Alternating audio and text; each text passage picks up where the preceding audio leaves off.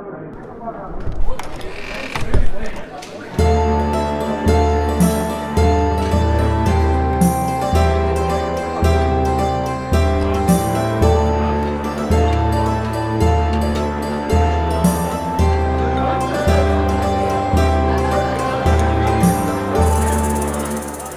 oi, oi, oi, oi, oi.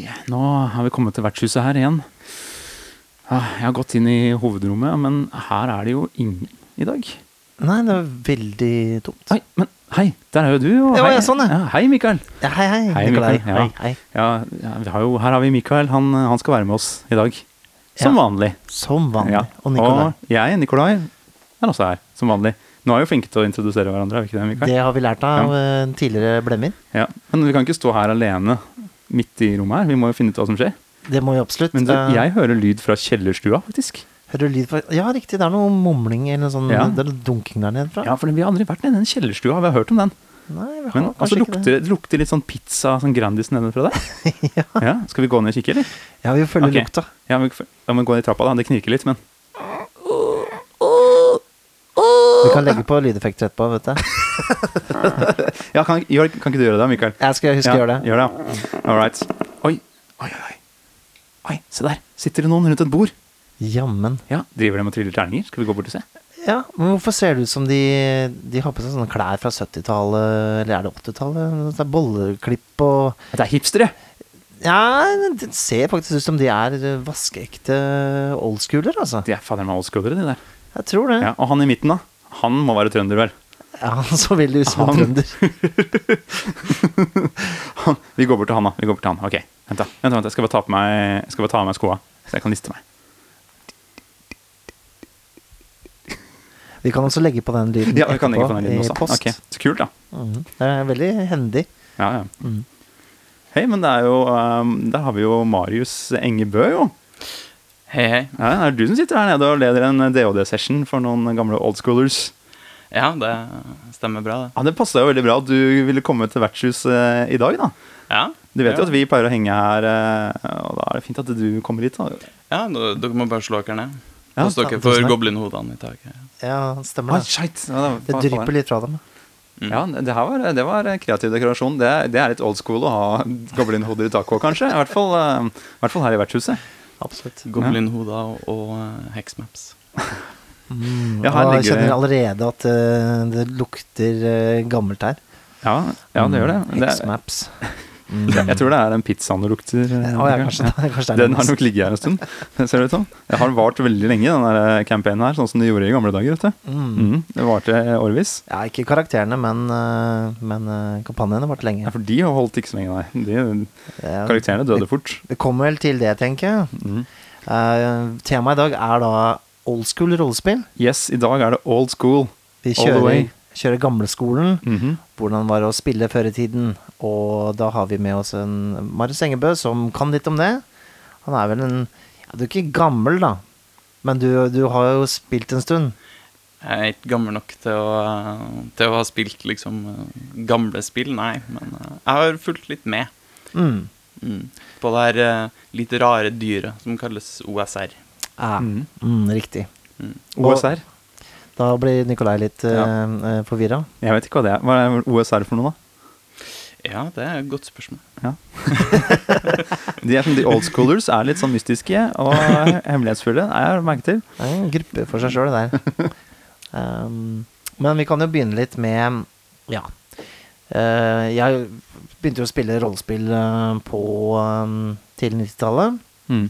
Og det, ting har forandret seg siden den gang. Um, hva, hva er det liksom det store forskjellen mellom rollespill i dag da, og rollespill på typ mm, tidlig 90-tallet, kanskje 80-tallet, og til og med tilbake til 70-tallet, uh, i forhold til i dag, da? Vil du si, Marius? Ja, hva er forskjellen? Um, vi har fått uh, Jeg tror nye spill har, uh, har gått i flere retninger. Mm. Og, og du har fått en uh, Du har fått en litt sånn oppdeling. Ja, ikke sant? Det var vel litt mer én type spill. Uh, altså, rollespill var veldig hack and slash, kanskje? Sånn for det aller meste gamle dager? Er det det du tenker på, eller at du ikke hadde så mye variasjon? De gamle spillene var jo veldig i slekt med gamle sånne, sånne krigsminiatyrspill. Mm. War games. Mm. Det var jo liksom ut fra det Dungeons and Dragons vokst. Ikke sant? Og så var jo Dungeons and Dragons veldig sånn Den eh, Den arketypen, eller den Det som var liksom kopiert til å begynne med. Mm. Og som man kanskje til og med fortsatt kopierer ganske mye, da. Ganske mye. Uh, vi hadde jo en Ja, du var jo med på dette her. Jeg tror ikke du var med, Marius, på denne lille spillinga vi hadde, hvor vi spilte DOD med regler fra 80-tallet. Ja, du I- følte deg jo veldig nostalgisk her. Det var en høst, tror jeg, Mikael. Ja. Hvor du var sånn eh, Du, du ga alle beskjed om at ingen telefoner Hvis du skal regne ut noen ting, så må du ha med kalkulator. Mm. Og det var penn og papir, ikke noe duppeditter. Nå skal vi kjøre old school 80s role-playing games. Det var til og med ned til soundtracket med Anthrax og Metallica og mye thrash, Yes. for å få det ekte. Eh, Men vi spilte jo det her, og innså jo ganske kjapt at oi, oi, oi, så slemt det er. Du overlever ikke lenge med å hoppe inn i kamp, for å si det slik, i DD anno 1985. Nei. Det er Du har, eh, kan ha fem hitpoints og være fighter. Ja. Kanskje det, vel? Ja, det kan du absolutt. Du, du, kan jo, du kan jo starte helt totalt ubrukelig. Jeg mener, en, en eh, magiker har jo kaste én 4C terning for å finne ut hvor mange hitpoints den har, og du kan jo kaste én, for eksempel. Ja, nettopp. Da, da- står du der, da. Ja, ikke så mye å gjøre. Var det sånne typer rollespill du begynte med når du, når du begynte å spille, Marius? Eh, nei, det var det jo egentlig ikke. Uh, for jeg begynte jo, som Mikael, så begynte jeg å spille tidlig på 90-tallet. Mm. Uh, de første Helt første rollespillet jeg, jeg spilte, var jo Ja, hva var det? Eh, nei, altså Draker og demoner. Vi spilte faktisk en del svenske rollespill. Ja, men Sånn- draker og demoner, er ikke, er ikke det litt sånn som Dungeons and Dragons, da? Bare Det har en litt annen forhistorie enn Dungeons and Dragons. Det kommer jo eh, Systemet i Draker og demoner er jo mer arv, arva fra RuneQuest, okay. som var et av de andre old school-spillene som, som ikke liksom uh, stammer fra Dungeons and Dragons. Nettopp, men det er, et, men det er old school lell, virker det som. det er sånn, men jeg Ja. ser for meg, for jeg har sett coveret på denne Drager og demoner, da. Og Mm. nå er det jo kanskje, nå legger jo ikke jeg kanskje det samme i old school som dere, men jeg legger jo på en måte den følelsen av den derre som man hadde første gang, aller første gang vi prøvde da, Mm. å spille. Uh, og da er det jo den, når jeg ser for meg det coveret, det derre slitte, blekgrønne coveret, liksom, så, så får jeg liksom ordentlig den der old school-følelsen, i hvert fall. Ja, ja. Det, Mhm. det, var, det er jo absolutt old school, det òg. Mm. Det er jo reglene Som du sier, RuneQuest, men også uh, Call Cthulhu bruker jo mye av det samme eh, regelsystemet. Of Cthulhu var jo Eh, Kaosum sitt. Mm. Uh, Drage Demoner eh, var også første spillet jeg leste, i hvert fall, om ikke jeg spilte det. Så, fordi jeg trodde jeg hadde kjøpt Dungeons and Dragons på, på en bokforretning i Hamar. Viste seg at eh, det er jo ikke det samme. Altså draker og, drager og demoner og Dungeons and Dragons. Jeg var litt skuffa, for jeg hadde ikke fått det ekte vare. Det var som å komme hjem med Pepsi. Så jeg var litt sånn derre Nei, faen. Altså På Hadeland så drakk vi bare RC Cola ned fra Roma Brus. Så jeg, jeg kan ikke relatere til dette Nei, her. jeg skjønner det. Eh, det er jo sånn Ja, det gamle spillet har en større dødelighet. Um, og det var jo vanlig å ha kanskje lagd ferdig på sånn fire karakterer, sånn i tilfelle noen daua. Mm. Og så var det jo uh, Hva skal jeg si Det, MTV spilte, som heter uh, Into the Unknown, eller et eller annet sånt. Det var noe som fulgte med de aller første um, utgavene av DOD. Det er jo Det er jo en meat grinder av dage, da. Så det er jo Det ene monsteret som drepte hele party, er jo da en sånn Karen Crawler som hadde 15 angrep i runden. Ja, nettopp. En sånn, der, sånn- som, som kommer opp fra jorda, sånn der marksommeraktig eh, figur. Ja, og det var ikke det verste i den dungeon for første, andre, tredje level. Så jeg veit ikke. Jeg, jeg tror Jeg tror eh, Men jeg husker det fra det første gang vi spilte også. Det var sånn vi, De gikk jo opp og ned av dungeon for å heale opp, og det var ikke måte på. Det var mye mer sånn Nesten mer dataspill da enn det er i dag. Mm. Jeg vet ikke, Det var mer spillerne mot gamen, kanskje? Kan det stemme litt? Jeg tror nok det var, mange, var flere måter å spille på, men det var nok en, eh, en tendens til at det kunne utvikle seg, utvikle seg sånn, ja. Ja, ikke sant? Men du da, Marius, hvis du, hadde, hvis du hadde fått melding nå etter vi har vært her på vertshuset i dag, sånn der fra en kamerat, at eh, neste uke så blir det en old school um, uh, rollespillsession hos meg, hva, hva ser du for deg at du går til da? Um, det hadde jo vært veldig gøy. Ja. Uh, jeg ser jo for meg at jeg går til Går til et uh, spill som um, er ganske åpent. Mm. Uh, som kanskje er mest begrensa av at det foregår i hule. Ja. Og det handler om å utforske den hula, og at det er ganske dødelig Mm. og ganske farlig. Og at uh, Og kanskje noe om at uh, de beslutningene som spillerne tar, er litt viktigere enn det du har på, på karakterarket.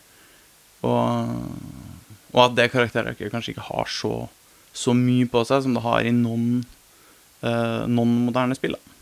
Ja, nå begynner du å touche inn på en par forskjeller her, gjør det ikke det? Sånn som, som jeg også har hørt andre snakke om, at, at det var mer opp til spillernes avgjørelser og hvor smarte de var, Mm. enn nødvendigvis et intelligenskast, da. Så taktikkeriet er viktigere her, virker det som. da Eller sånn eh, Man kommer til et rom, og så må man bli enige om hva er det lurest å gjøre, rett og slett. Den, den delen av rollespillet er, eh, er i fokus, kanskje. Det er nok eh, Det er veldig mange som spiller old school, og det er veldig mange innenfor denne OSR-retninga som vil legge mye fokus på akkurat det. Mm. Mm.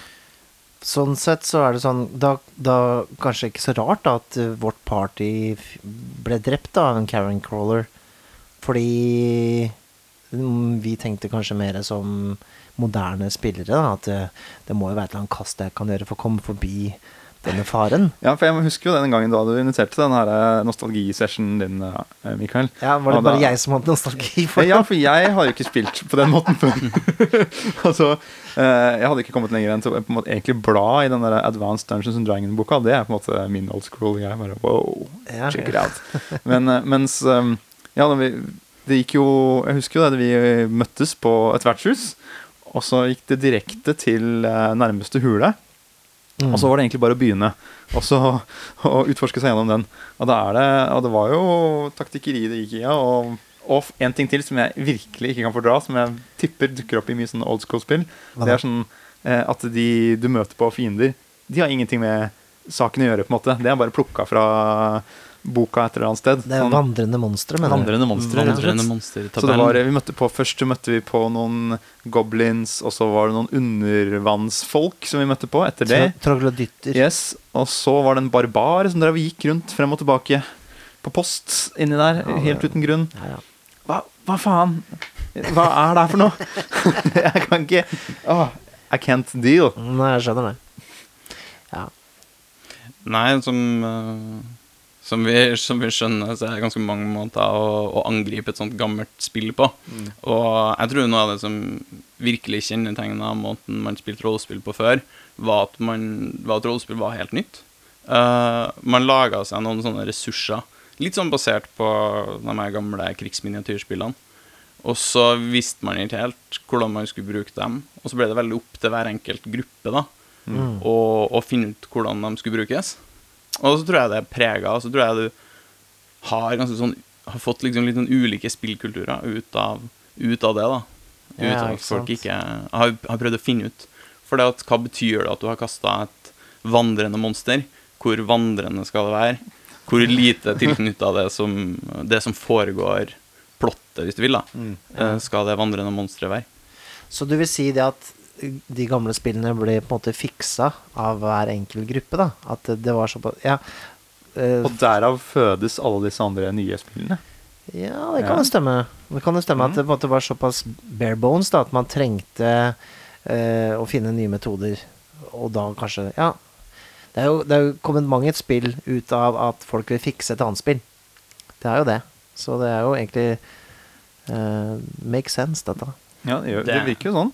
Det er ganske Det er en ganske viktig eh, måte å utvikle seg på, det. Mm. At du, eh, du har et eller annet som du ikke helt vet hva du skal gjøre med, eller føler at det ikke fungerer helt godt. Og så begynner du å trikse.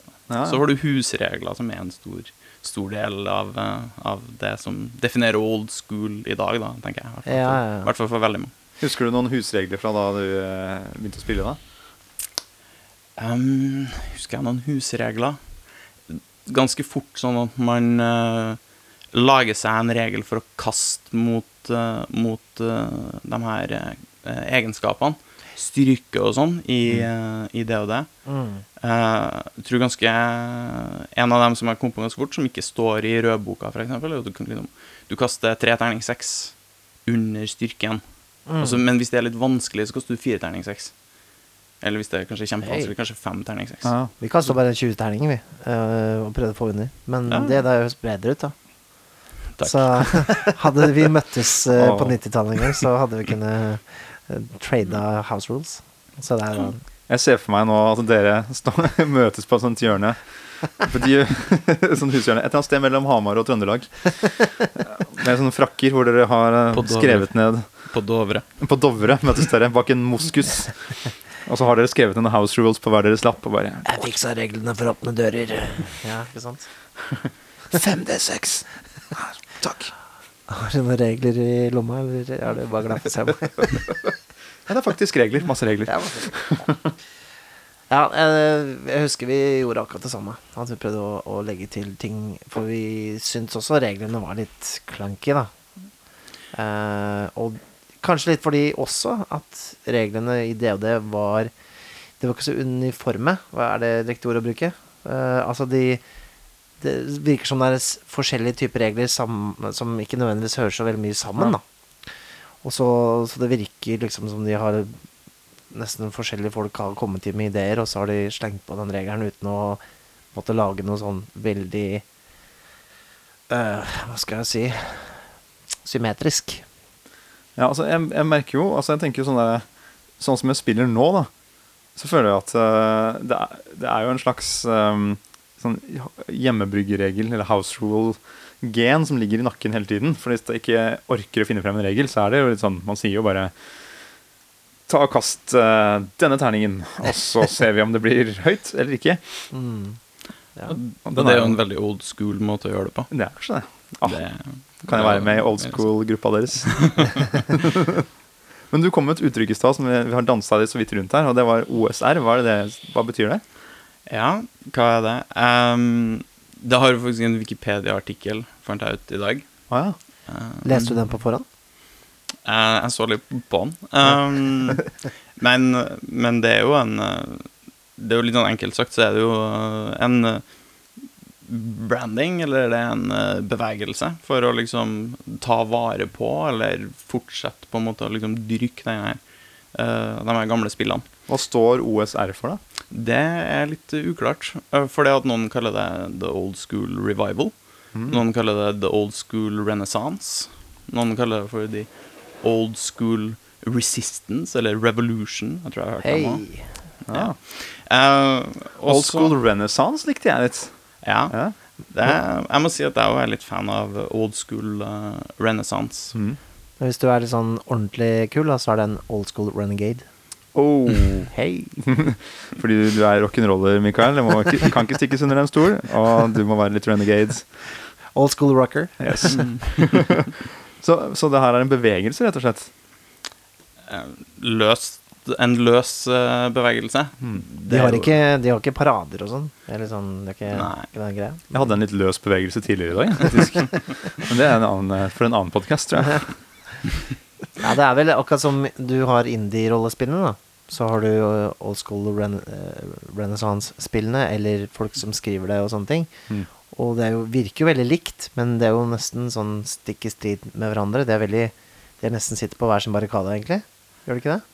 Jeg tror jo det er litt sånn i internettland så blir det fort litt sånn, eh, litt sånn stamme av ting. Ja. Uh, så jeg vil jo jeg påstå at man kanskje er mer lik enn uh, en ulik. I hvert fall i forhold til å være, være independent. Mm. Uh, Der er det jo Det her er jo OSR er jo òg folk som liker å lage spill, og som, og som lager spill basert på de her gamle, gamle, gamle regelsystemene.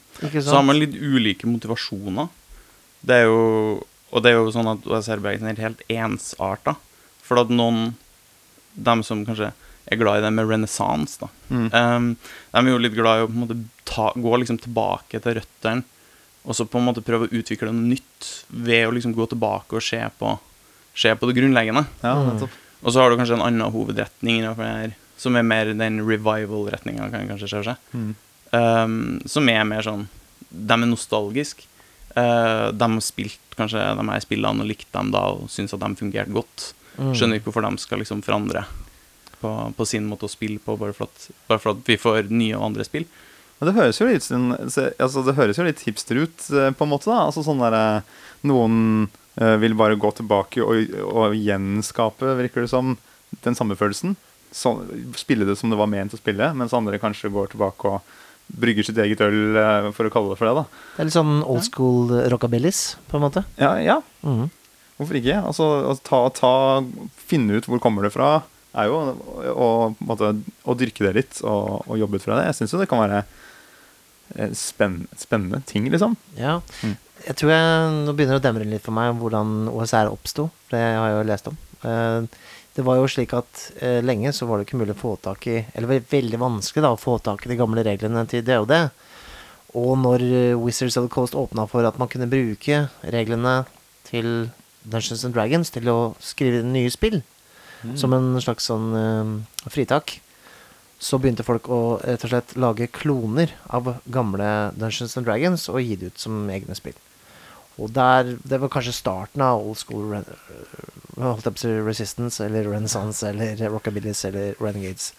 Um, hva var det første OSR-spillet som kom? da? Så vidt jeg, jeg vet, så er det Osric, Osric, ja. som er en klone av uh, First Edition AD&D. Riktig. Og det var jo ikke salgs lenger på noen måte. Ingen Nei. nye ting, ting kom til det, og, og det sitter jo det masse folk sant, som har holdt seg til Advanced Dungeons and Dragons, men som endelig da får et spill som Hei, dette er sånn som jeg spiller. Eh, Mm. Nå kan jeg gi dette til vennene mine. Vi kan kjøpe nye ting til det, vi kan skrive nye ting til det, osv.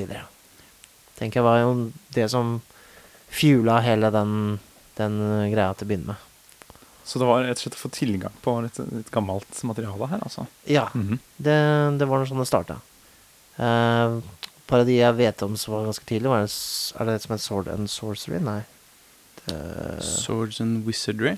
Sword and Wizardry. Labyrinth Lord var jo en Ja. av dem veldig tidlige. Og det er veldig likt uh, Advanced Dungeons and Dragons, det også, ikke sant? Jeg tror uh, Labyrinth Lord i utgangspunktet ligner mest på det som kalles for Dungeons and Dragons BX, som står for Basic Expert. Ja. Som var en av de startersettene starter-settene som ble oppfylt med et ekspertsett. Mm. Og det var jo eh, TSR laga jo flere sånne starter-sett mm. til det de kaller for Basic Dungeons and Dragons.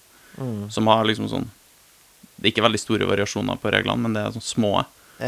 Og så har du på en måte fått egne kloner til alle av dem her. Alle av dem her. Og så har, du, så har begynt, folk begynt å tenke nytt, da. Og utvikla ut ifra klonene utvikla nye spill. da. Ja, for du har jo, du har jo fått noen sånne stjerner. Du har blant annet han uh, Zack Smith, som gjør mye til um, uh, Lamentations of the Flame Princess, som er jo da det mest metal-navnet man kan ha på et rollespill noensinne. Uh, og det virker nesten da som, som OSR-spillene nå de siste åra har nesten tatt over litt for det som vi kaller altså indiespillenes eh, storhetstid. da At folk vil At de er mer kreative der da enn eh, mange andre steder. Ja, men det er altså Det er jo, det er jo en buffé her, da. Å, ta av. At, Virkelig og nå har det kommet en rett til ved bordet. Det er ikke, det er ikke dumt. Ja. Uh, nei, jeg kjøpte meg jo dette Lamentations of the Flame Princess her om dagen. Uh, jeg har lest gjennom dette spillet før òg, og det er jo litt funny å lese disse klonene. Dungeons and Dragons-klonene. Mm. Det er jo nesten umulig å se forskjellen på det og gamle Dungeons and Dragons. Det er måten man kanskje fremstiller reglene litt igjen på. Eh, Pedagogikken Små, ørsmå forskjeller i tabellene. Sånne ting, da. Men det er nesten litt rart. Da. De, altså, det føles nesten som noen må liksom ut med hammeren og si «Eh, 'Copyright strike!' Um, og smiting. Eh, Det er, det er jo litt sånn at uh, forskjellen er jo er jo litt sånn uh, Hvis du angriper noen som ikke har rustning, må du ha 10, eh, 11 eller 12 på terningen for å treffe. ja. Det er liksom Det, det er jo en del av forskjellene. Det er én, én i forskjell. Ikke Ja, sant? Mm. Og det, det er sånn Og, og det har jo Det har jo noen konsekvenser, det òg. det spillet her, da, som jeg snakker om, da, Lamentations of the Flame Princess, er jo eksempel at de har Det er vel eh, Jeg tror da de eh, bonusene du får, da, gjennom eh, Altså ability, abilitiesene dine, Mm. de er litt svakere enn i DOD, og derfor blir det mer sånn enda mer vanskelig da å drepe folk. Ja, det blir litt Ja, men du, du tar det litt ned, da. Det, det, blir mer, som, det blir jo mer basic, da, rett og slett. Mm. Virker det som. Jeg kan jo Nå syns jeg jo at uh, Dungeons and Dragons, sånn som det blir spilt nå, 5E-versjonen, det har vi jo spilt en del siste eh, Flere av oss her, eller alle, har jo spilt har det spilt her det eh, ganske mye mye, siste, ja. i dette rommet.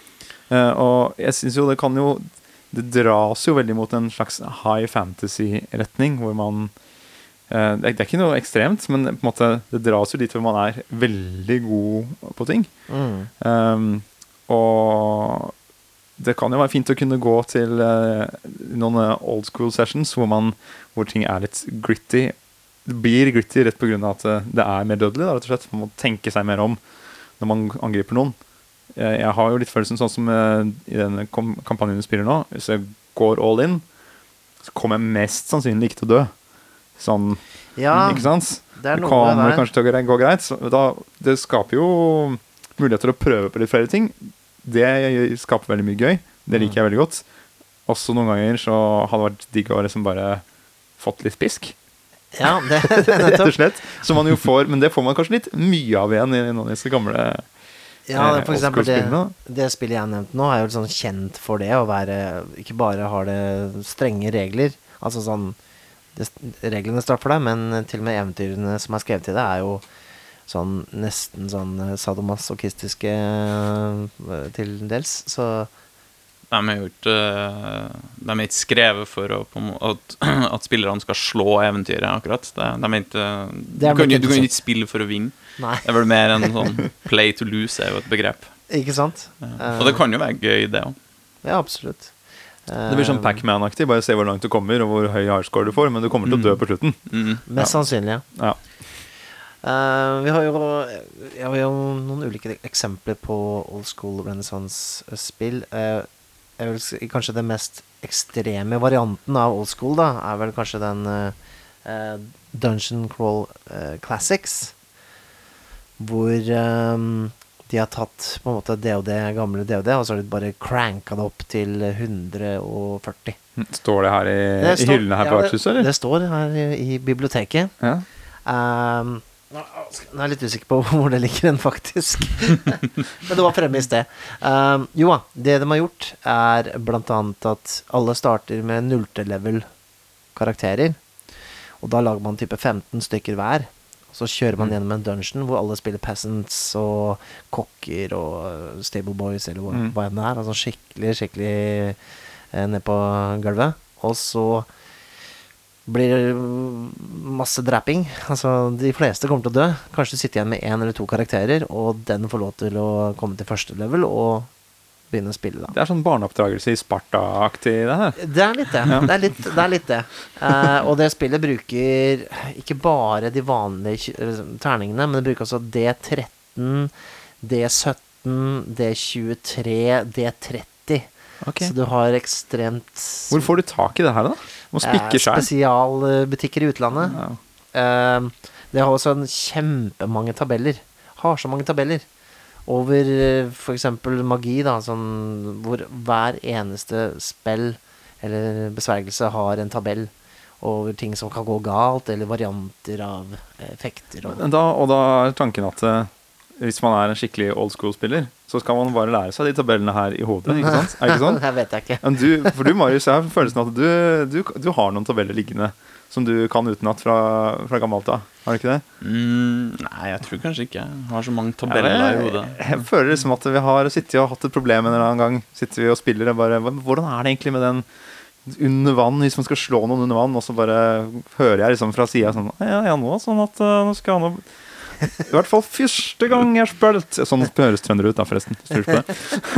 Og så har Takk, du takk. så her har jeg lurt en hel del på. Ja, ikke sant? Så, så, så husker du en eller annen sånn der, Husker du en regel da, om at det var sånn og sånn? Og, kanskje ikke en tabell, men du husker, du er god på de, noen sånne gamle regler, da, i hvert fall. Mm, Jeg har jo lest noen rollespill, da, så Ja. eh, det har jo utvikla en sånn teknikk for å huske liksom, noen regler. Ah. Og når man har spilt Jeg har jo spilt ja, en del versjoner av Dungeons and Dragons, og noen ting går liksom Noen ting ligner jo på, Ja, på det, ja. hverandre, så Mhm. nå, nå henger jo litt igjen nå. Altså. Og så 5E har jo ganske greie regler å lære seg, da. Ja, det er i og for seg sant. Du, men du har vel sikkert Du har, virker som du har en egen eh, evne da, til å klare å, å suge opp litt sånn der, noen eh, eh, Noen eh, informasjon fra de gamle dager, rett og slett. Du har putta i sekken din for lenge siden, og så ligger det nedi der. Ja, jeg har uh, kanskje det. Jeg har blitt inspirert av, uh, av uh, OSR på en del punkter. Altså, litt av måten man tenker på. Mm. Eh, og spesielt det her med Som jeg mener at OSR Bergesen har ganske mye til felles med en del indie-spill. Som, som er det her begrepet med liksom eh, player agency, eller å gi reelle valg. Eh, og så tilnærmer man, altså, nærmer man seg på litt forskjellige måter. Men det er litt det her med å Med at uh, når, eh, når spilleren gjør et valg, så, så skal det ha en konsekvens. Mm. Om det liksom er i mange indiespill, så vil jo det være liksom på historienivået. Mm. Men, i, men i OSR så er det jo litt mer sånn at du simulerer jo en fantasy-verden, så det er litt mer sånn simulerende. Men da er jo en sånn um, En av dem som liksom utvikla litt sånn OSR-tanker, han hadde jo en teori om the quantum ogre, som mente at det var liksom Hvis du hadde fire veier ut av en landsby, og du på en måte møtte en, uh, en ogre uansett hvilken vei du gikk, Ja. så var det liksom litt dårlig Da var det en quantum ogre, og det var litt dårlig eventyrdesign, da. Ja, sånn, ja. Eh, Spillederen så- har så- valgt ja. forhånd. Ja, Mm. Så det skal liksom være sånn at ogren, han bor øst for byen. Mm. Og han bor bare der. Så hvis spillerne tar veien nord, så møter de ikke ogren. Da møter de heksa i stedet. Ikke sant? Ja. Men det kan jo like greit altså, jeg, jeg skjønner jo som begge deler, hvis du er som spilleder har sittet og funnet eh, Lagd en stor historie også, som ligger i nord. Og så driver alle og går østover, og så tenker du bare «Hm, ja, men hva om det bare ligger på østsiden istedenfor? Hele eventyret jeg har lagd og brukt mange dager på. Så jeg kan godt skjønne at man gjør det. Og så, men jeg, men jeg liker altså jeg, ikke, jeg hadde ikke likt å finne det ut hvis jeg var spiller. At, eh, at spiller, spillederen flytta opp det, liksom. Nei. Det skal jo sies, at jeg tror også de gamle spillene, altså eh, blant annet eh, modulen som heter Keep on the Borderlands, med, fra Dungeons and Dragons, var jo litt sånn derre sandkassefølelse over det. Du hadde et, et sted hvor du kunne besøke og snakke med masse folk, og de kunne gi deg tips om ulike ting i nærområdet, som gikk an å rane. Mm. Eller altså dungeons, da, som de kunne besøke. Og så var du så dum at du gikk inn i den eh, verste dungeon først. Den som var ment for level 4. Mm. Så døde du jo. Ja. Og så er det på'n igjen. Og da drar spøkelset ditt tilbake til byen, og da sier de bare 'Told you so'. ja, men ikke sant? Men da har du den derre den, litt den eh, tankegangen med at du eh, Hva skal jeg si, ja? Man jukser liksom ikke for spillerne, på en måte, men man lager en Man er litt streng, da, som spilleder. Ja, Det er sånn eh, mot deg selv og mot spillerne. På den måten. Vi hadde ikke kommet liksom helt til den pedagogiske tankegangen om rollespill eh, enda. Hva syns dere om det, da? Det som, eh, den, den tankegangen der? Jeg kan jo Jeg liker det, men jeg liker jo å være klar over at det er sånn Ja. før, uh, før jeg begynner. Mm. Uh, men jeg tenker at det, det har noe for seg i, når du spiller på den måten. Så er jo jeg av den oppfatninga at jeg, jeg tenker at det er en styrke å på en måte spille roll, Du kan spille rollespill på flere forskjellige måter. Og det, jeg tenker at det kan være en styrke å utforske litt forskjellige måter å spille rollespill på. Det, det er jo også gøy. Og du trenger ikke å spille på den samme måten hele tida. Jeg, jeg spiller jo ikke Det jeg spiller mest av, er jo ikke, OSR-spill. Men, eh, men jeg har jo spilt ganske rendyrka OSR-spill, og har latt meg bli litt påvirka av, av den tankegangen. Jeg synes det er, det er en fin ting det du sier der, at eh, så lenge man vet rammen rundt, at du vet at det, dette er det jeg går til, Mm, da, ja. da er det noe helt annet. Hvis du vet at det er den der quantum auger-tankegangen, da. Eh, altså at det, du kommer ikke til å møte min historie samme hvilken vei du går. Du får spørre landsbyboerne, liksom. Så, så, så da er jeg veldig mottagelig for det. Mm. Mens hvis, det, hvis ikke, så tror jeg liksom, man kan kunne blitt litt frustrert av at du bare man driver og leter etter hvor er level 1-dungeonen hen. Ikke sant? Hvis du har investert veldig mye tid og krefter på å lage liksom, rollen din, Ja. og, og du har på en måte et, rolle, et eh, rollekonsept som du er veldig glad i, Mm. uh, så kan det være litt uh, frustrerende, da. Og på en måte bli, bli liksom drept fra den første slyngesteinen av liksom kobold Ja. nummer fire. Eh, eh, helt tilfeldig. Han hadde ikke et navn engang, og han drepte meg!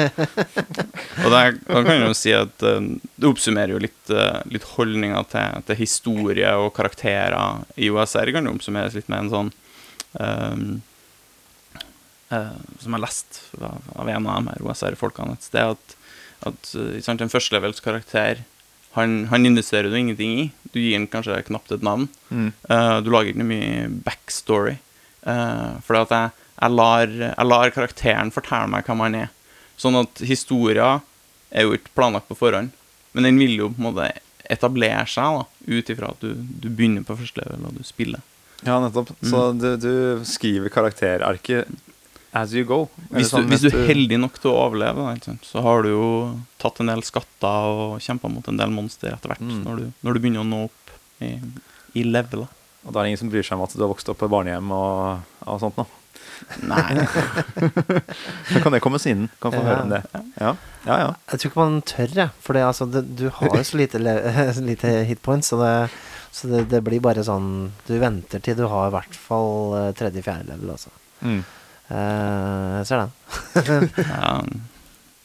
Um, men men uh, hva, hva slags, hva slags uh, OSR-spill har du har spilt eh, selv? Eh, jeg kan jo si at det første OSR-spillet som jeg kjøpte meg, og som, jeg, og som egentlig åpna øynene mine litt for OSR, og begynte å følge med på hva det var for noe, Mm. det var et spill som heter for um, Astonishing Swordsman and Sorcerers of Hyperborea. Hei! Uh, Oi, er, Hyperborea, er det fra Konan-settingen, eller? det er Det betyr jo nord for eh, nordavind. Mm, ok. Eh, eller over nordavind. Mm. Det er en veldig sånn Det er en litt sånn Konan-esk-aktig setting på det, ja. Som Som du kan spille i. Og det er en veldig interessant setting. Mm, og det, det spillet hadde gjort en del grep som jeg syns var litt sånn morsom i forhold til tradisjonell det og det, som gjorde det litt enklere. Mm. Eh, men samtidig så var det sånn eh, First Edition ADND-klone i, i bunnen. Ja, nettopp. Eh, så jeg ble ganske fort litt lei av, av at reglene var litt komplisert. Så, men etter det så har jeg spilt Jeg har spilt Labyrinth Lord, Mm. Swords and Wizardry. Så kom jo The Black Hack etter hvert. Og The Black Det har jeg hørt om.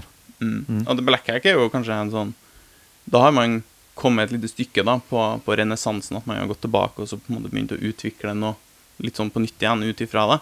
Mm. Og The Black Hack er jo en mer har jo, har jo på en måte tatt inn noe mer av den litt sånn moderne, moderne ideer nå, da. Uh, I forhold til, i forhold til rollespill. Men som fremdeles er liksom OSR. For det, det Black Hack har jeg hørt om, og det syns jeg er spennende. Det, for det er at du eh, Det er Dungeons and Dragons, er det ikke det? Som har på en måte noen baseregler som har blitt gjort offentlig, og så sier de lag deres eget rollespill med basis ut av det her. Og så Ja, kan dere dele det her på vår nettside. Er det sånn? Ikke helt. Uh, ja, de som lager Dungeons and Dragons, um, Wizards of the Coast, um, tillater å lage nye spill og tillegg og sånne ting. Eh, med Dungeons and, Dragons regler, da. Mm -hmm. uh, men du får ikke bruke f.eks. Dungeon Master, for det er copyrighta.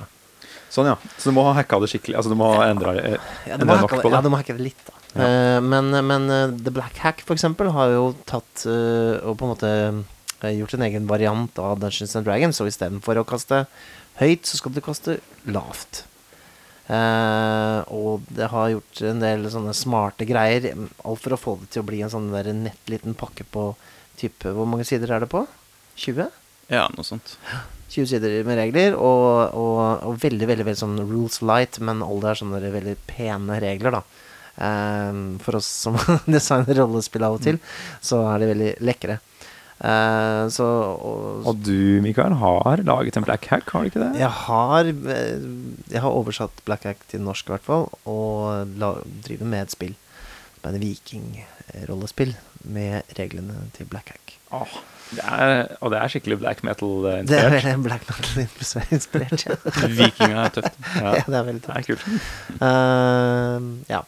Så det, det håper jeg blir ferdig med en gang. Da. Men Mm. eh, ting tar tid, vet du. Så, Ja. Men ja, det er en av mine favoritter også fra den, den eh, bølgen med spill, da. Um, vi har jo et annet spill også som er, kan være interessant å snakke om. Et som, het, uh, et som heter eh, Stars Without Number. Som er et science fiction-rollespill. Mhm. Hvor det er fortsatt Det er, det er Dungeons and Dragons-regler der, men det er veldig vanskelig å legge merke til dem, syns jeg, når jeg leser det. Har du prøvd det her, eller, Marius? Jeg har også spilt Stars Without uh, Number. Kjørt en liten uh, kampanje uh, Ja. med Stars Without Number. Um, også i den kampanjen så fikk jeg egentlig brukt det spillet sånn ordentlig, for det jeg er mest kjent for, er jo egentlig sånn å lage sandkasse, sånn science fiction-sandkasse. Og så laga jeg en kampanje som egentlig var veldig sånn begrensa. Men, uh, men i forhold til det du sier med DOD-regler i, i Stars Without Number, så, så er det jo bygd på et skjelett. Men da er det jo ganske sånn ugjenkjennelig. Og så er det jo blanda med et annet spill, uh, et annet science fiction-spill, Traveler, Mm. som, som også er et old school-spill. Ja. Og da kan man jo trekke inn sånn at noe av det som er, er jo hvordan man definerer OSR, er jo også liksom hvilke spill er egentlig old school her, da. Hvilke er old school nok? Ja. Ja, og hvilke er old school nok. Vil da f.eks. spill som lagd på 90-tallet være old school nok? Ja, for eksempel. Det er jo, det er jo, en, eh, det er jo en diskusjon. Um, Derom strides de lærde, har, Ja, jeg, ikke har jeg virkelig en følelse av. Sitter en liten sånn gjeng med sånn OSR eh, menings... Uh, eh, hva skal jeg si? uh, det innerste sirkelen Mm. Jeg, tror bestemmer nok, dette. jeg tror nok meningene innafor den her OSR-paraplyen er, er delt, da. Ja. Um, det ble jo kontroverser når Dungeon World kom, eksempel. Uh, om Dungeon World er et OSR-spill eller ikke. Ah. Det har jo også vært kontroverser rundt Black Hack, uh, hvor OSR det egentlig kan være. Kontrovers? Er det, er det, det- det, er det sånn- det, sånn, er det, det er vel ikke sånn direkte Altså, det er kanskje noen som blir sure på Twitter og sånn, men ikke sånn kontrovers-kontrovers, eller? Nei.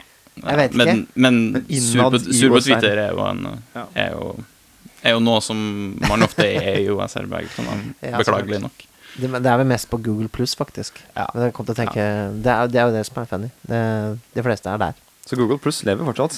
Ja, det er rollespillere som holder på. Ja. Mm. Jeg kommer liksom aldri helt inn i det. Nei, nei. Nei. Du er ikke, du er ikke rollespiller nok.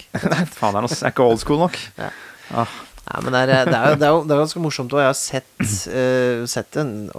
Vi nevnte jo det med indiespillene og, og OSR-bevegelsen. Vi har jo sett litt kniving mellom dem. Og, og OSR har jo noen kontroversielle figurer, som en, han Zack Smith jeg nevnte tidligere. Og han som har laget uh, 'Lamentations of the Flame Princess', uh, John Raggy. James Raggy. James Raggy, the third eller fourth. Han har også hissa på seg veldig mange folk, da, for det er jo veldig Det er, litt, det er liksom litt sånn punk over OSR også.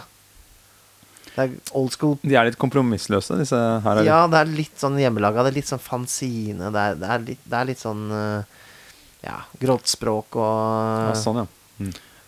Det er en del av det, og det er jo sånn, sånn ulike estetikker ute og går, som også er litt sånn spredd i liksom OSR under den paraplyen. da. Mm. Hva, slags, altså, hvilke estetikk er det egentlig man, man går for? Og Lamentations of the Flame Princess har jo en, sånn utprega eh, gory uh, Ja, ikke sant? Nå følelse. Nå, nå er jo ikke jeg så veldig nærtagen, da. Men eh, når jeg leste litt i den boka, jeg var veldig spent på hvordan den skulle se ut inni. For den er jo kjent for å ha veldig sånn uh, vulgær kunst. Uh, og det kan man jo si den har, da. Og det er veldig sånn tydelig 18-årsgrense på det spillet. Mm. Uh, men uh, så, så det er jo litt uvant å se, da, i et rollespill uansett. Og det gjør det jo litt grann mer sånn ja, edgy på et eller annet vis, da. Som kanskje er litt den, det man går for da når man kjører old school rollespill. jeg veit ikke. Det var ikke det jeg så for meg sånn med det første. Sånn, Nei, men, så eh, litt, får man sånn litt eldre karer, på en måte, som, som Men det er mer den derre Ja, det er litt punk de ja, går det er punk-delen, ja. ja. Jeg tror det er litt sånn Det er en punk-klasse her, og så er det en sånn litt sånn gammelmannsklasse. ja som er veldig glad i de her tegningene til Larry Elmore. Ja, ja, ja, ja. Ikke sant? Jeg tenkte, det var det mer det jeg tenkte på, liksom. Det der, ja, det må ha vært tegna i 1980. Hvis ikke, så liker jeg det ikke. Ja, ja det, det var litt morsomt. da. Det er jo en del av folka som tegna til gamle DOD, som har fått jobb igjen. ikke sant? Gjennom Ja. Så det er jo hyggelig, det er jo hyggelig da. um, ja, eh, noen flere interessante spill. Jeg kjøpte jo det som heter Basic Fantasy. Og det er jo hyggelig med det, at det er jo eh, gratis på nettet. Mm. Så det kan jo, hvis noen har lyst på et eh, en blåkopi av eh, DOD fra 80-tallet eh, med litt forandringer, så anbefaler jeg å gå innom basicfantasy.org. Da kan du laste ned PDF-ene av eh, alt, egentlig. Og du kan også handle bøkene som print on demand eh, veldig, veldig billig. Så jeg kjøpte tre utgaver av den boka, fordi det kosta nesten ingenting. Og da har du jo tre. Så kjekt. Da har jeg tre.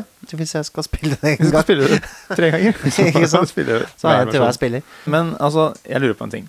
Fordi hvis vi, For nå er jeg spent, for jeg vil vite litt hvem, hva slags personer er dere, liksom. Ja. Og det er, nå skal jeg Hvis jeg skal invitere til en uh, spillsession Jeg sier at nå er det old school night hos uh, Nikolai. Jeg har fått tak i Jeg har leid en kjellerstue på Hadeland. Som jeg skal eh, ha Vi skal ha en old school uh, DOD-session i. Ja. Uh, og dere får en uke på å tenke ut hvilken uh, rolle dere skal spille. Dere får lage bare én karakter. Det er ikke sånn lag 20 karakterer, og så er det en som overlever her. Det skal være, lages én dude til dette old school-spillet. Og så, siden du er gjest, Marius, skal du få lov til å slippe å begynne. Men Mikael, hvilken rolle ville du lagd til uh, old school-spillingen i kjellerstua på Hadeland? Jeg hadde tenkt litt eh, taktisk, jeg.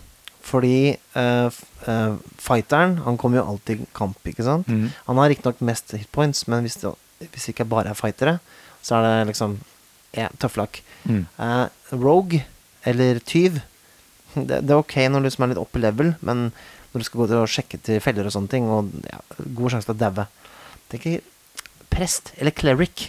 Cleric. Går liksom midt i gruppa. Holder seg litt unna farer. Viktig at overlever for å, å heale de andre litt den der. Jeg tror det er den mest taktiske løsningen. Jeg velger å gå for en, eh, en cleric eller prest. Ok, så eh, eh, Så selvfølgelig, når jeg har lagt på mm, fasttelefonen etter å ha snakka med deg, så ringer jeg videre. Må liksom snurre på dialsen her. Så ringer jeg til Marius. Jeg sier at uh, vi skal spille old school, kjellerstue. Vi har en cleric, men vi trenger, eh, vi trenger en til. Eh, det kommer noen andre folk òg, men eh, hva, du, hva, hva vil du spille? Ja. Jeg har jo uh, Mikael allerede vist at han har eh, old school chops. For at eh, presten er jo stjerna i, i gamle DOD. Både liksom chainmail og, og mer hitpoints enn Mm. en de svake. Eh, men jeg hadde sagt at jeg har lyst til å spille fightere. Mm. Det er bold, da. Det er det. Det er vel kanskje Altså, etter clericen, så kanskje det mm, den som overlever lengst, det, tenker jeg. Det er mest hitpoints, da. Eller, hitpoints. eller sjans for mest hitpoints. Ja, og sjanse for å ta et monster med ett slag. For Ja. er det flere, så er det Ja. flere sjanser for å daue. Ja. Ja. Kanskje, kanskje en sjanse for å ha mer enn ett angrep i runden og, Mm. og sånn. da. Men Da har har vi jo en fighter og en cleric, og det, det blir jo en bra kveld, det her. jeg tror det blir bra. Ja. Det varer sikkert i hvert fall en halvtime. Det er så morsomt å se. Så blir det pizzaspising resten.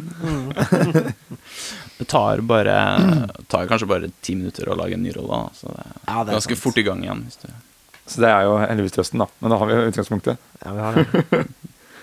Er det noe mer du vil adde om, eh, om old school før vi tar eh, en, en, eh, litt spørsmål fra oldespill.info? Altså, old school er jo et eh, kjempelangt uh, lerret å bleke hvis en skal, skal si mye om det. Mm. Uh, så kunne jeg sagt uh, masse, men det er, kanskje vi må ta en, en old school part to uh, en gang, eventuelt. Ja, det, er, det er ikke dumt, det. Kanskje vi får noen reaksjoner som vi kan, som vi kan spinne videre på også. Mm. For eksempel. Mm. Det, det er jo godt an. Uh, siste jeg kan si, er at jeg, jeg vil jo slå et slag for, eh, for den litt sånn inkluderende approachen da, eh, til, til old school. Det, det handler ikke bare om kloner og gammel det og det, det kan handle om mange typer gamle spill. Og, og jeg ville ha tenkt at liksom, det er mange typer spill som på en måte kan passe inn under den, under den paraplyen. Eh, Ja. eh, det, det kan jeg stå for. Ja, jeg tenker jo at jeg, jeg kan like den der at det er Jeg føler at man starter litt på samme nivå. Altså sånn der, Nå må vi sette oss inn i dette. Ikke sant? Så alle som møtes, er sånn Nå må vi finne ut nå, Her er det et spill som er vanskelig, så nå må vi alle lære oss det her, så vi kan ha det gøy. Mest mulig gøy. Ja. Så inkluderende på den måten, da. Det var litt også sånn der, spesielt hvis gamen var en fyr som var Eller, eller jente, for den saks skyld. Som var kjent for å være skikkelig skikkelig sadist. Mm. Så måtte man liksom time opp og virkelig liksom Skulle klare det, da. Jeg liker hvordan dere alltid Vi, stikker og spiller eh, hos han som er sadist. Men det gikk jo rykter liksom, om han der, Å, fy fader. Som vi bare gikk inn feil dør, og så var det alle daua. Ikke sant? Så, så, kan det så går det jo an å nevne en uh, ei eh, som har betydd Kanskje den som har betydd mest for, uh, for uh, på en måte OSR-tankegangen. I hvert fall hvordan man lager eh, dungeons og, og sånne ting. Som på en måte er liksom gulleksempelet der, da, som Mm. kan være et tips til, til leserne å sjekke ut. Og det er jo uh, Janelle Jacquays. uh, okay. Og The Jacquaid eh, Dungeon, som på en måte er liksom en dungeon med, med mange nivåer, der du har muligheten til å på en måte knytte allianser med ulike fraksjoner. Der eh, du alltid har mer enn én vei å gå. Og, og Vent litt, vi kan, ikke- vi kan jo ikke liksom Dette var litt sånn uh, outroen, eh, dette her, til temaet. Men det her er jo kjempeinteressant. Ja, ja, det her, nå ble jeg ikke klar på her. Ok, for det, dette høres utrolig kult ut. Hvorfor gjør vi ikke det hele tiden? Det høres kjempebra ut. Å knytte allianser mellom de ulike nivåene i dungeonen høres jo rått ut, da. Det er jo en klassisk sånn megadungeon-greie i gammel, ga, i old school-spill. Åh. Jeg har bare spilt sånn uh, lagom-dungeon, jeg, ikke megadungeons. Eh, sånn, sånn hel grei størrelse. Det er det jeg har spilt. Men det, her, ja, men det kan jeg like litt, for da, da kommer det jo på en måte Da kan du ta taktikkeriet helt ut, virker det som. At eh, ok, det her er for vanskelig, men kanskje hvis vi går tilbake dit, snakker med de i den fraksjonen der og blir venner med de, og så kan man uh, f- faktisk klare å overvinne noen hindre på litt forskjellige måter. Gå forskjellige veier, som du sier. Ja. Mm. Ja, og det er ingen regler for sosial interaksjon i de fleste old school-spill. Så der er det jo fritt fram for spillere da, som har eh, som har på en måte, som er talefør, Mm. eh, til å på en måte legge, legge opp til å liksom overtale og lage allianser og, og sånne ting. Så lenge de kan alltungemålet. Så lenge de kan alltungemålet, selvfølgelig. Ja, men da, det synes jeg Jeg er klar for et, eh, jeg er klar for et lytterspørsmål, jeg, nå. Det er også Hva med dere? altså. mm. Jeg har prøvd å finne et som skulle hektes litt på, på dette her, da. Uh, og vi kan se om vi kan ta, om vi kan ta det inn på temaet. Ja. Uh, da har vi Du spurte jo på rollespill.info og Facebook-siden, Mikael, om det var noen Det som jeg. eh, hadde noen temaer. Det er en stund siden, men jeg har fiska frem noe her, vet du. Det er da Trond Ivar Hansen som har kommet med forslag til hva vi kan prate om, som er følelser, kruttvåpen i fantasyspill, meninger med døden og om å spille én organisme sammen. Det her er da om flere forskjellige forslag, og da tenker jeg Nå tar jeg tak i den ene her, og det er eh, noe som eh, engasjerer meg. Og det er kruttvåpen i fantasyspill. Å, jeg vil snakke om døden. Ja, du, du, Nei, det går fint. Vi tar kruttvåpen. Du kan få meninger med døden Følelse Følelser er jo veldig sånn trøndersk, da. Ja. Ja, det er Den sant. følelsen kommer senere. Det er feil podkast, altså. Det er Tore på sporet. All right. Men kruttvåpen i fantasyspill, har dere møtt på det? Eller har det vært old school all the way? Det er jo litt morsomt at du nevner det, for det er jo et appendix i Lamentations of the Flame Princess som uh, omhandler kruttvåpen i old school rollespill. Ikke det at jeg har rukket å lese det, men, uh, så jeg kan ikke så mye om det. Men uh, der er det jo da meningen at man skal spille en slags fantasy-variant av 1500-tallet. 1500-tallet, England-ish ting. Mishmash. Så, så det er på en måte standardsettingen der, da. Uh, men ja, sånn utenom det så tror jeg faktisk ikke jeg har støtt på det noe særlig. Jeg vet du har regler for det i Dungeon Masters Guide 5th edition, eksempel. Um, Det står noe om noe som heter blunderbuss der. Er det det? Blunderbuss, ja. Ja. Og det skal vel være et annet slags skytevåpen av noe slag. Ja, det er den der hvor du tenner på, ikke sant, sånn Jeg liker det ikke! Ta, vekk! Få det vekk. Jeg vet Blunderbuss på norsk tror jeg blir muskedunder. Muskedunder. Riktig, riktig. Altså, det er Onkel Skrue kan ha muskedunder. Det syns jeg er helt greit. ja, det, det passer Men ikke ikke inn. putt muskedundere inn i fantasy-settingen min. Få det vekk. Ja, du er veldig anti nå, føler jeg. Du, det her var det ikke jeg, du åpen for. jeg orker ikke det. Altså, jeg, jeg, jeg har spilt eh, Jeg spilte World of Warcraft en gang. Og der er det jo sånn Der kan man ha Der dvergene har jo utviklet kruttteknologi og sånt. Og da var det sånn Ja, grei, greit. Det er såpass mye far out-ting som skjer her. Men det blir for mye Det dras for nært liksom eh, virkeligheten. Det er sånn der Snart er vi, har vi utvikla teknologien til å bli første verdenskrig-teknologi her i her i, I, F- Faerun, liksom. Ja, ja. ja. Eh, eller annen fantasy-setting. Jeg vet ikke, jeg, jeg liker det bedre når det er noe pil og bue, og Eh, at det har en begrensning, teknologibegrensning på en måte der. Altså, får det heller være magien da, som står for denne Mm. greia her. Ja, altså forandrer det veldig eh, ja, Altså balansen i et spill hvis man har muskedundere?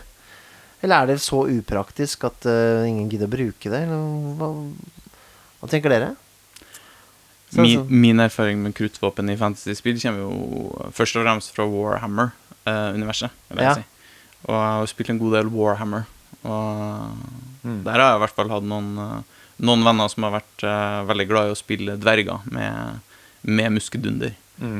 Uh, og det, det er ganske tøft i, i Warhammer, da. Eh, sammen med feilparkerte geiter og en del sånne Ja, altså, men man kan jo alltid vri en setting, tenker jeg, til at det passer inn på et vis. Men jeg, ikke, jeg, jeg syns det blir for eh, For min personlige smak, da, så blir det for uh, Weird. Det blir sånn tulle...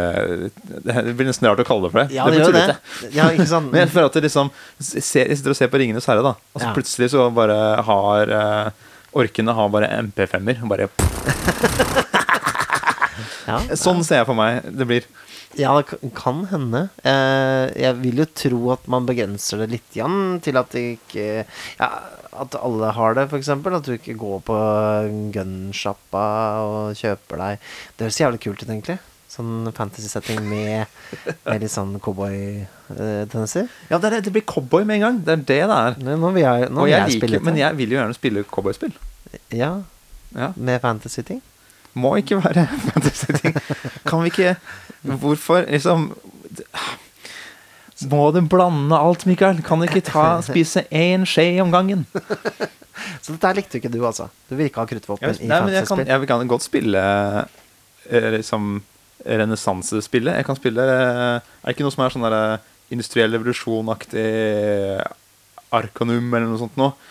Hvor du går all in på at det handler om da at, at man er i en annen tidsalder, liksom. Mm, At det ikke er den der tradisjonelle fantasy-greia med ok. kruttvåpen. mm. Ja, ja. Putt, sett rammen Igjen litt sånn som, du- som du sa i stad. Putt eh, riktig ramme på det først. Vite hva det går til. Og hvis det er kruttvåpen, så sier du eh, nei takk, eh, jeg har en annen kampanje å gå til. Det går helt fint, jeg står over for denne gang. Ja, kanskje altså, jeg, jeg, Vet du, jeg aldri sier aldri, da. Men eh, Jeg syns det, er- jeg synes det er litt ekkelt. Jeg må, ta, jeg må ha på meg hansker hvis jeg skal ta på det. i så fall Ja, men er dette, er det, Nå må vi nesten sette, komme litt dypere inn i dette her. Hvorfor har dette Hvorfor har, er du så innmari på den der Tolkien-eske fantasyen? Kan du ikke liksom bare få inn litt krutt og litt eh, high fantasy og Ja, jeg kan godt eh, gjøre det, men ikke putte inn i denne andre Ikke putte inn i, god, i bollen min her med godsaker. okay. For da kan jeg heller liksom, ikke, sant? Ikke, ikke putte kjøtt i bløtkaka mi, da, rett og slett. Oi. ja. Hvis det er Nå ble det veldig seksuelt her på, uh, på vertshuset. på tide å runde av. Men kjøtt er godt, da. Ja, det, det er godt. Er det. Ja. ja. Uansett. Eh, noe mer det du vil si om kruttvåpen i, i fantasyspill? Ja, jeg vet ikke, altså. Det, jeg tror vi egentlig vi drepte den litt der. Ja, Men, det- eh, men uh, Jeg skjøt den med et kruttvåpen, Jeg slett. skal ærlig innrømme at jeg aldri har prøvd det sjøl, men jeg har sett at det forekommer. Eh, og at eh, det er delte meninger om hvor kult det er. Jeg syns eh, det er mange gode grunner til å være skeptisk til skytevåpen. Mm. Jeg tenker at eh, i fantasy rollespill så kan det faktisk være et sted hvor de kan være helt ok. Det at det i fantasy-rollespill, men ikke gå rundt med de på åpen gate i virkeligheten. For eksempel. Og det kan jeg stille meg bak. Da kan vi være enige om det. Det er faktisk noe vi alle kan stille oss bak. Ja. Men nå kommer det noe spennende som jeg vet at dere har venta på. Jeg har hinta litt. Fordi vi har starta en ny spalte, Mikael. Det er vel eh, den første Vår spalten vår. første spalte Er det sånn at du kan smelle på en liten jingle, eller? Jeg kommer til å sånn- slenge på en jingle om jeg får tid. Og eh, den kommer til å låte utrolig kult når jeg er ferdig med den. Ok, Så hvis Mikael ikke har klart å finne en liten kul uh, trudelutt, så må dere høre på det her. Dring! Altså. Og hva heter spalten, da? Ukens monster.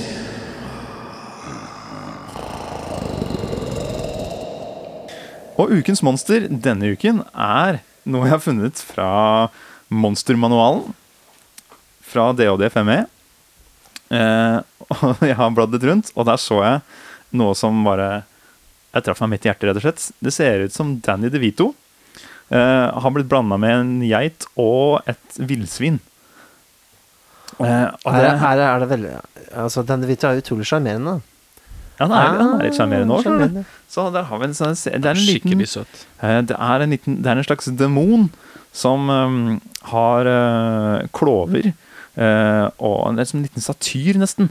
Og så har han noen små vinger, sånn ravnevinger. Han har hanekam.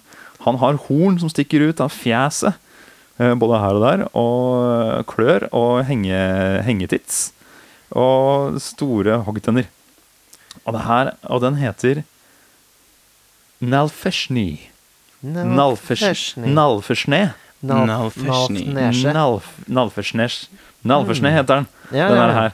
Og så syns jeg den ser, den ser jo ut som et ordentlig beist, den der her. Eh, og skikkelig fæling. Den har eh, på en måte, Den er jo en, eh, en demon, så den, den tåler jo mye juling. Og er liksom, den er skummel. Da. Den har, kan angripe deg tre ganger i en runde for de som er interessert i det spilltekniske med det. Den er, Ja, den er så- ikke dårlig. Den er ikke dårlig. Eh, med nebb og klør, eller med bitt og klør og sånt. da men det jeg likte veldig godt med den, da, at eh, selv om den er skummel og har masse eh, hoggtenner og horn og alt sånt noe, så har den en eh, egenskap som heter horror nimbus. Horror nimbus. Skal jeg forklare? Eh, som det er da at det, det skinner ut fra den eh, et glitrende eh, mangefarget lys. Og det Ah. syns jeg var litt fint. Litt sånn Oh. Twilight eh, over det hele? Ja, Litt sparkly. Litt sparkly? Ja, Sånn. ikke sant? For, for plutselig hver eh, femte-sjette runde så tjoing! Så det, eh, ikke sant, det kan jo hende, altså hvis vi har en backstory på deg, så det jo, kan det hende at det egentlig var en fe Ja, kanskje det var det. som ble omvandlet til en demon. Og Ja, ja. liksom av og til så, så kommer det derre festøvet. Er det, man, er det det man kaller det? Fairy dust? Eh, liksom å sparkle litt ut, da. Jeg vet ikke. Ja, kanskje det er det. Altså, da, man, hvis man ser på det her, så man, da blir man redd. da. Eller da Og du blir redd du av støvet? Nei, av, av dette lyset, da. Men oh. jeg tenker at det bare er haters som blir redd. Ja, det tenker jeg også. Mm. Det kan også være litt sånn hvis du får en blits i øynene dine og ikke er klar over at det, at det kommer, så blir du jo litt forfjamset. Ja, det kan jo være noe sånt, da. Men jeg, jeg tenker Jeg tenker i hvert fall at eh, jeg fikk en liten kjærlighet for uh, uh, Nal Feshni. Med at han har dette nydelige lyset som han kommer med. Så den spalten er en Inni slags sånn, sånn eh, dine favorittmonstre? Som, Ja, kanskje neste gang er det, er det du som har med et monster. et? Det kan hende. Kan altså gjesten vår. psykedeliske demoner høres jo veldig gøy ut. da. Ja, Liker det. Mm. Kanskje vi skal invitere med Nal Feshni I neste min, gang. I min ungdom så kan hende jeg møtte mange en eh, psykadelisk demon. Du har vel møtt det i eldre dager òg, du, Mikael? All right. Men eh, det her, jeg, jeg har kost meg med dere her i dag. Det har vært veldig hyggelig. Ja, og her i kjellerstua, det, nå begynner det å bli det blir dog på rutene her nede, for det er godt og varmt. Godt og varmt. Noen patter litt mye på pipa si her, og ja. Ja, det er klart. Jeg, jeg sitter bare i bokseren her nå, for eh, jeg tålte ikke mer. Det har rent ut nesten alt blodet fra de goblinhodene. Ja, ikke sant? Nå er det tørre, goblin, tørrere goblinhoder som henger i taket her. Eh, og så, helt før vi avslutter, da, så kan vi i hvert fall nevne at vi legger ut eh, episodene, og gamle episoder er jo lagt ut, på eh, iTunes. Så der går det an å gå inn og abonnere hvis man vil det. Absolutt. På, på vertshuset. Og så lurte jeg på, Mikael, går det an å få lagt ut på Soundcloud vår? Det går an å gjøre det. Ja. Da må en av oss lage en konto der, da. Ja, Eh, men Yes. det, det går an, ja. ja kanskje det kan være en ting. For det er jo ikke alle som har iTunes, tenker jeg. Det jeg stemmer jo. Og Mm. vi har jo også lagt ut noen episoder på Mixcloud, som er det nye hippe der ute, på internettet. Mm. Eh, der går det også an å høre på eh, podkasten. Jeg kom dessverre ikke så langt når det gjelder å laste opp på YouTube, men vi får se om jeg får, eh, får gjort det også etter Ja, ikke sant. Så da kommer det mest sannsynlig flere kanaler å, å få tak i det her på etter hvert. Mm. Og så eh, vil vi jo veldig gjerne takke deg, Marius, eh, for at du ville være med oss og prate litt om old school. Takk, takk. Det var veldig hyggelig å få okkupere kjelleren i vertshuset en, en kveld. Jeg vil ikke tro at du får lov til å gå, da. Det er jo, vi låser døra til neste gang. Ja, men Så-. Vi kommer, Mm. kommer inn med mat av og til, men vi likte dette så godt at vi tror du er vår fange nå, faktisk. Det kan nok hende. Men du kan få lov til å være med opp i første etasjen og spille litt uh, arkadespill. da. Uh, en liten stund før, vi, før, uh, før du kommer inn ned i kjelleren igjen. Nintendoen vår, tenkte du? kanskje? Ja, Ja. ikke sant? Vi er jo fortsatt på 80-tallet, så Ja, kom igjen, da. Kan spille med Men etter det så er det rett ned i kjelleren, for vi er ikke ferdig med det. Ja. All right. Men da, i mellomtiden så stikker jeg opp og snakker litt med bartenderen. Se om jeg kan finne den. Det er veldig smart. Ja. Da vil jeg bare si tusen takk for at dere fulgte med oss, og da ses vi neste gang. Ding, ding, ding, ding, ding, ding, ding, ding.